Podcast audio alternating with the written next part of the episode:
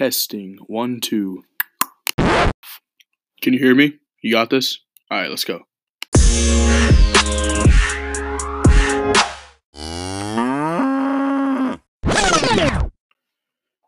What's up, ladies and gentlemen? Welcome back to another episode of Poem Insider. I am your host, Eli Armendariz, and today Jenny is out sick with a cough, so you guys are stuck with me. Today we're going to be diving into a poem that personally strikes a chord with me and some of my past experiences. Without further ado, let's jump right in. Now, the reason why this strikes so close to home for me personally is because um, one of my f- closest friends uh, was, for lack of a better term, he was neglected as a child. Grew up in a really tough family situation. Um, his mother and father divorced when he was around the age of four, to which his father remarried a woman. And that stepwoman, uh, the stepmom, uh, excuse me, was very abusive towards him um, verbally, uh, so much so that it left some severe um, scarring, in which he now struggles with severe bipolar disorder. He has a speech impediment.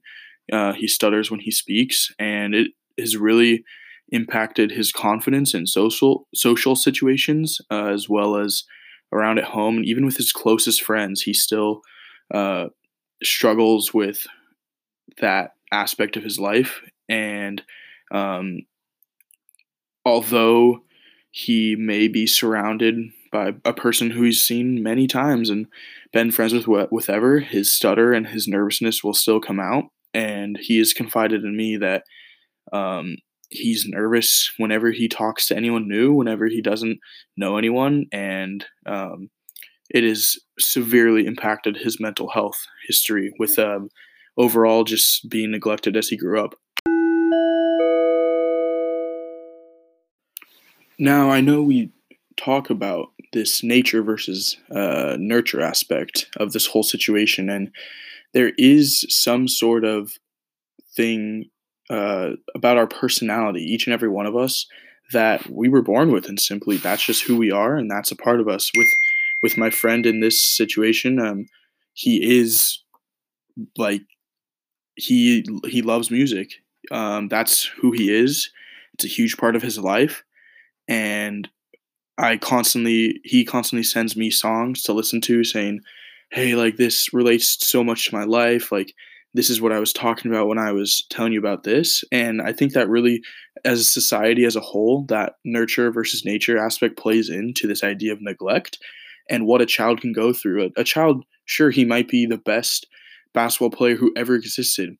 But if constantly, every single day, he's being told you will never amount to anything and you will always be a failure, failure, excuse me, you'll never be good at basketball, you'll never amount to anything in life, that nurture is a negative uh, impact on his life. And that in turn will lead to the him not being the best basketball player on the planet. And granted, yeah, things take hard work, but there are people who are genetically predisposed to be better at certain things, to be smarter, faster, stronger than other people. And when a parent, when parents fail to um, really nurture their child and instead neglect them and harm them in certain ways, that does have a very large impact on the outcome of the child's life. And in the case of my friend, I personally believe he's an amazing musician, an amazing producer, but the fact that he doesn't have the confidence because of something that happened to him while he was younger um, has really hindered and acted as a almost like a parking boot into his potential and i don't think he realizes it because he was so used to all of the lies that he was told while he was growing up is the scent of apple boughs smoking in the wood stove what i will remember of the red delicious i brought down a shame that I could not convince its limbs to render fruit. Too much neglect will do that. Skew the sap's passage, blacken leaves, dry the bark and heart. I should have lopped the dead limbs early and watched each branch like a goshawk's eye, patching with medicinal pinch, offering water. Compost and mulch, but I was too enchanted by pear saplings, flowers in the pasture, too callow to believe the death's inevitable. for any living being unvolved, unloved, untended. What remains in this armload of applewood, now feeding the stove smolder?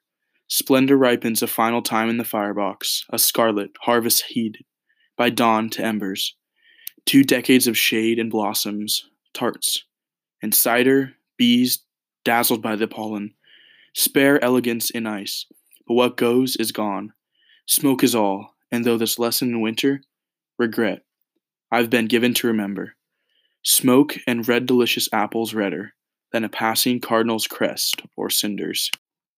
Well, gang, hopefully that's given you some food for thought. Thank you so much for tuning in this week. This has been your host, Eli Armendariz. Hopefully, Jenny's feeling better by next time. Have a good one.